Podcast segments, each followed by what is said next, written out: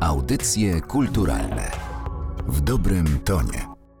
Przy mikrofonie Martyna Matwiejuk. Witam Państwa bardzo serdecznie w kolejnym odcinku Audycji Kulturalnych. Dziś moim i Państwa gościem jest e, profesor Błażej Brzostek. Dzień dobry. Dzień dobry. Spotykamy się w związku z nadchodzącą premierą książki pana autorstwa Wstecz, czyli Historia Warszawy do początku, książki wydanej przez Muzeum Warszawy. I zapytają Państwo, co jeszcze można do tej historii dopisać, poza rozdziałami dotyczącymi czasów najnowszych? Jak ten temat, y, przecież już bogato opisany w literaturze, ugryźć? Otóż y, tę książkę czyta się bardzo ciekawie, bo tak jak wskazuje tytuł, rozpoczynamy od współczesności, a następnie poruszamy się do tyłu na naszej osi czasu. To jest taki pomysł na opisanie tej historii nieco na przekór sposobowi odkrywania historii, który poznajemy choćby w szkole. No tak, bo to nie jest książka, która ma być podręcznikiem. Przede wszystkim historię Warszawy już napisano. Napisano ich kilka, w tym ogromną, monumentalną, wielotomową, 50 lat temu wydaną. I no cóż, można było napisać ją jeszcze raz. Czyli skompilować to, co już było i dodać to, co odkryto w międzyczasie. Ale ja nie chciałem napisać podręcznika. Mhm. Chciałem napisać książkę o Warszawie, taką książkę, która byłaby inna, nowa, którą by się czytało, która by powiedzmy odwracała pewne przekonania, na przykład takie, że nasza rzeczywistość się rządzi jakimiś ciągami przyczynowo-skutkowymi i prowadzi nas ku punktowi, w którym jesteśmy. Jak się pisze książkę wstecz? No bardzo dziwnie. Ja sam nie wiedziałem, jak to będzie. Wymyśliłem e, taką koncepcję i potem się zastanawiałem, czy to nie, czy to nie był największy błąd.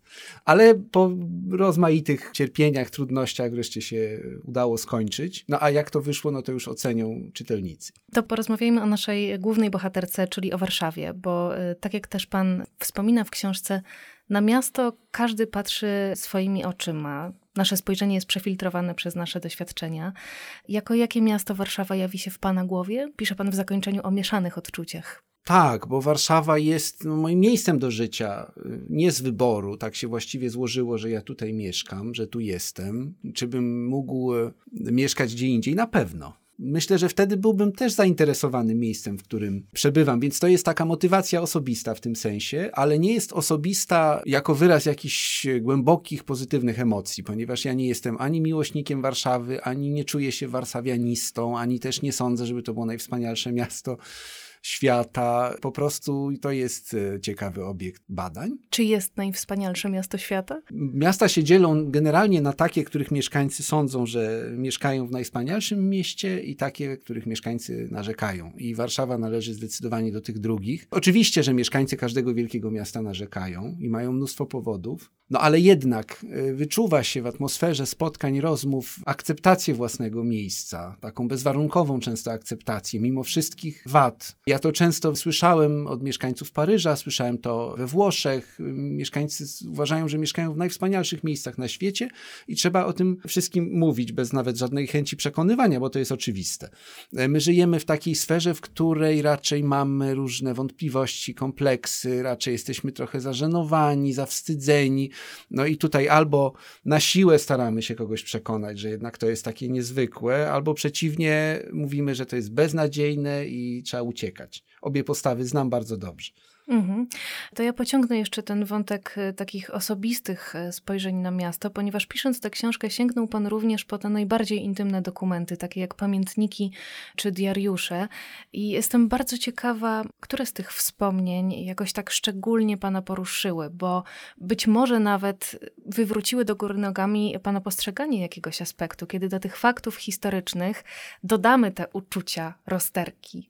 Wie Pani, ja nigdy się nie zajmowałem jakoś bardziej historią historią Holokaustu i przy okazji pisania historii Warszawy, tej, wchłonąłem ogromną ilość właśnie tych holokaustowych dzienników, przekazów z getta warszawskiego i z okresu wojny i okupacji. No i muszę powiedzieć, że to było najbardziej wstrząsające doznanie. To znaczy, ja myślę, że te przerażające doświadczenia w jakimś sensie się musiały w Warszawie rozwiać, ponieważ by się z tym po prostu nie dało żyć, więc one się jakoś rozwiały, jakoś jest ich nawet za mało w naszej świadomości. Byłem przerażony absolutnie nikłą ilością miejsca, jaką w dotychczasowych historiach Warszawy poświęcano na getto.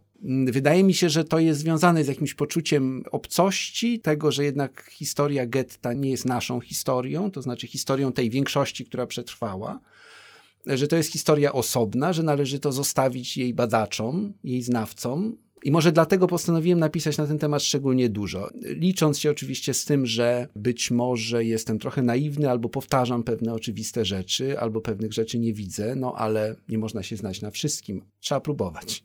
W jaki sposób proponowałby Pan oswajać tę historię? Taką właśnie, którą czujemy, że być może jest obca, ale no nie do końca tak jest. No właśnie, bo to jest jakoś nasza historia wszystkich tutaj i ona jest oswajana przez instytucje, przez Polin, przez e, znaki pamięci na murach, jest jakoś przyswajana, chociaż wydaje mi się, że podstawowy problem polega na takim rozdwojeniu tej świadomości, to znaczy polska tożsamość to jest tożsamość powstań, tak zwanych powstań narodowych i to jest Warszawa, powstania warszawskiego. Dlatego to powstanie w 1943 roku się nazywa powstaniem w getcie. Mhm. Tak jakby ono się nie rozgrywało w Warszawie, jakby nie było powstaniem warszawskim, jakby było sprawą getta. I przynajmniej na tyle, na ile mogłem, starałem się od tego odejść i, i nie nazywam tego powstania powstaniem w getcie. Dzięki temu, że mm, korzystał Pan z bardzo różnych dokumentów, e, pisząc tę książkę, nie mówię już teraz tylko o tym wątku, który Pan poruszył przed chwilą, to to jest taka historia bardzo społeczna i czuć e, w tej książce po prostu życie tego miasta.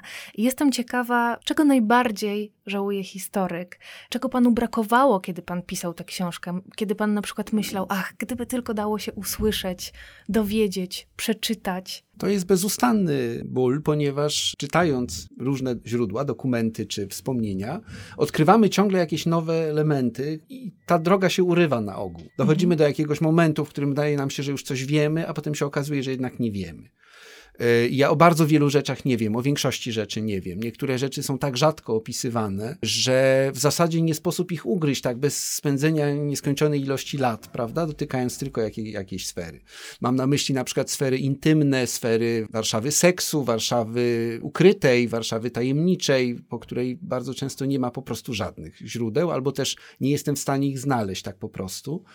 Tu by trzeba pewnie rozmawiać z ludźmi i to byłby osobny wielki projekt dotyczący Warszawy pewnie dwudziestowiecznej, no drugiej połowy XX wieku i niewiele więcej, no ale to już dużo i zbudować taki obraz Warszawy, tego wszystkiego, o czym zupełnie nikt nie pisze. Inny problem to po prostu wyobrażenie sobie rzeczywistości, która jest tak odrębna od naszej, tak rządzi się zupełnie innymi prawami, w innym porządku czasowym. Mam na myśli miasto XVIII wieku, ale i XIX, które żyje inaczej, posługuje się innymi narzędziami, inaczej je, inaczej mieszka, e, inne dźwięki słyszy, inne zapachy czuje. E, I oczywiście my znajdujemy jakieś opisy, ale tylko opisy tylko opisy, to żyje tylko w słowie, więc słowo przenosi bardzo dużo, ale przecież nie wszystko. Często mam wrażenie, że, że słowo jest absolutnie ułomne, jeśli chodzi o odtwarzanie rzeczywistości, zwłaszcza, że tym słowem się posługują ludzie historyczni, ludzie, postaci, dla których ta rzeczywistość, w której żyją, jest oczywista, jest przejrzysta, więc oni nie mówią w pewnym sensie, prawda?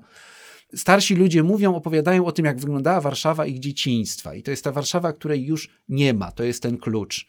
No patrzcie, Warszawa, która jeździła tramwajem konnym. I ja ten tramwaj pamiętam, mógł opowiedzieć ktoś jeszcze tam kilkadziesiąt lat temu, prawda? Dzisiaj już nikt nie pamięta tramwajów konnych, chyba że z getta warszawskiego znowu, ale nikt nie pamięta tramwajów konnych, mamy ich opisy, ale przecież to nie jest to samo. Przecież takim tramwajem nie przejedziemy się. Przecież nie ma nawet takiej możliwości fizycznej dzisiaj w mieście. Tak. No, z jednej strony rzeczywiście są te luki, są te jakieś ograniczenia naszego poznania, ale ja też zastanawiam się nad problemem przeciwnym. To jest ogromny temat, historia Warszawy, ogromny przedział czasowy i teraz jak dokonać selekcji, jak wybrać, co ująć w takiej książce, co pominąć. No z pewnością mierzył się pan z tym dylematem. To jest straszny problem. Najgorzej to sobie z góry założyć, co wybieram, a co odrzucam, bo wtedy idę prostą drogą taką i robi się to po prostu nudne. No niestety mechanizm pisania tej książki był taki, że najpierw napisałem za dużo, a potem ciąłem. Mhm. Więc najpierw się wkłada ogromną pracę, żeby coś napisać, a potem się wkłada jeszcze większą, żeby z tego wyciąć. I, no i wycinałem z bólem, no bo każda znaleziona rzecz, na przykład wyciąłem ogromną partię wstępną, która była złożona właściwie wyłącznie z przekazów e, cudzoziemców, którzy w ciągu ostatnich 10 lat odwiedzali Warszawę, ponieważ okazało się, że to jest taka narośl na tej książce, ogromna narośl, która całkowicie ją wykoślawia i mimo tego, że jakby ta narośl sama w sobie jest świetnym materiałem, no to nie można zmieścić dwóch, trzech, czterech książek w jednej, więc musiałem to usunąć. Myślę sobie, że warto byłoby coś takiego swoją drogą napisać. No właśnie chciałam powiedzieć, że przydałby się chyba dodatek do tej książki zawierający wszystkie te wycięte elementy. No tak, ale to już byłoby straszne, prawda? E, to byłoby straszne, tym bardziej, że one jednak tworzą, to są ścinki, to jest e, zawsze tak, że zostają nam ścinki i one może są wartościowe, ale no, dania to z nich nie będzie prawda? Mm. To nie będzie dobre, więc trzeba by usiąść znowu i siedzieć latami nad tym, żeby coś z tego wydusić. A czy można się całe życie zajmować Warszawą? No pewnie tak, ale ja niekoniecznie bym chciał. Nie sposób opowiedzieć o zawartości tej książki, o jej niezliczonych historiach. Nawet nie wiem, którego wątku mielibyśmy tutaj dotknąć, więc może zapytam pana, gdyby mógł pan spędzić, dajmy na to jeden dzień, w historii Warszawy z przeszłości, to jaka to by była Warszawa? Z jakiego okresu? No to będzie taka banalna odpowiedź. Ja jednak bym chciał spędzić jeden dzień w Warszawie międzywojennej. W Warszawie mhm. lat 30. Trochę mnie martwi, co by było, jeśli na przykład tego dnia by mnie strasznie bolał ząb i co bym wtedy zrobił? I czy chciałbym iść do dentysty? I ogólnie kim bym był na przykład, tym człowiekiem wyobrażonym, który sobie chodzi po tej Warszawie, ile miałbym pieniędzy, czy mógłbym wstępować, czy by mnie wpuszczano do różnych miejsc. Tyle sobie trzeba zadać pytań, Przecież ta Warszawa była losem tego miliona dwustu, ponad 200 tysięcy ludzi pod koniec lat 30.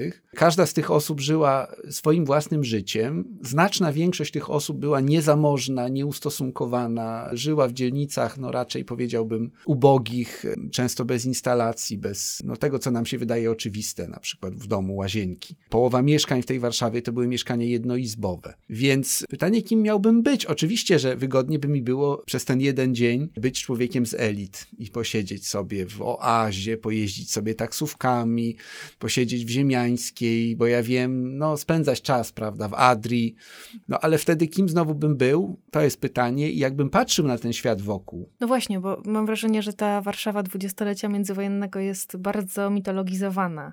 I tak sobie ją wyobrażamy jako po prostu krainę wspaniałości. No to wciąż jeszcze, prawda?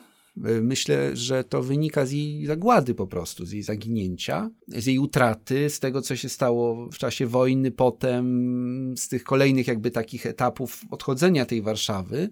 No a byt utracony jest bytem mitologizowanym zawsze. Każdy byt utracony jest e, wspanialszy niż był, a w każdym razie jest taki, do którego już nie możemy powrócić, nie możemy go odzyskać. To jest tak jak trochę z naszym życiem, jak się w nim coś stanie gwałtownego, to często to życie, które było wcześniej nam się wydaje takie wspaniałe i nie pamiętamy o tysiącu zmartwień, jakie mieliśmy. I e, podobnie z tą Warszawą. E, zresztą mm, nie służy temu też taki specyficzny, elitarystyczny punkt widzenia większości przekazu.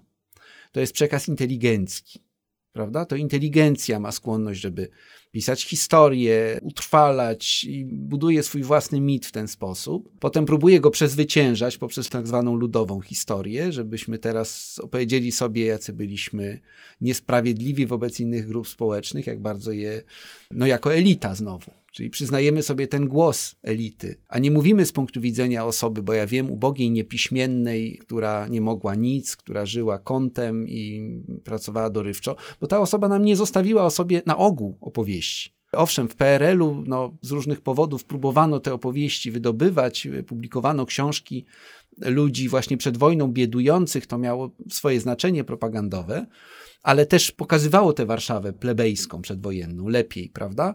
Mam wrażenie, że trochę nam to zatarł taki mit ziemiańsko-dworkowo arystokratyczny, który zaczął dominować w latach 90., w, czasach transformacji. Wtedy się zaczęto doszukiwać tego uroku kresów, tego wszystkiego, co nam zabrano, prawda? Kresy, tak zwane, Gdynia przedwojenna, Lwów i Warszawa. No z tego wszystkiego Gdynia jeszcze najbardziej samą siebie przypomina. No i Lwów, ale on jest za granicą, więc to wszystko są różne komplikacje, a Warszawa siebie jak gdyby nie przypomina, jest czymś nowym, innym. Ciekawe, jak brzmiałaby taka historia Warszawy, prawdziwie ludowa.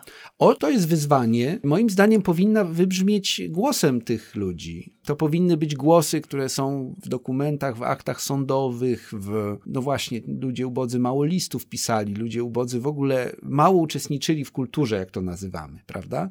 Więc pozostało po nich stosunkowo mało śladów. No ale to jest dopiero wyzwanie. I to by pokazywało takie miasto, jakiego by się pewnie taki czytelnik nie spodziewał. Chociaż y, ja jestem akurat w trakcie lektury książki Wstecz Historia Warszawy do początku i przyznam, że też mogę z ręką na sercu Państwu polecić. Zaręczam, że, że wielu rzeczy również się Państwo nie spodziewają, które można odkryć dzięki tej lekturze. Profesor Błażej Brzostek był dziś gościem audycji kulturalnych. Bardzo dziękuję za to spotkanie. Bardzo dziękuję. Audycje kulturalne w dobrym tonie.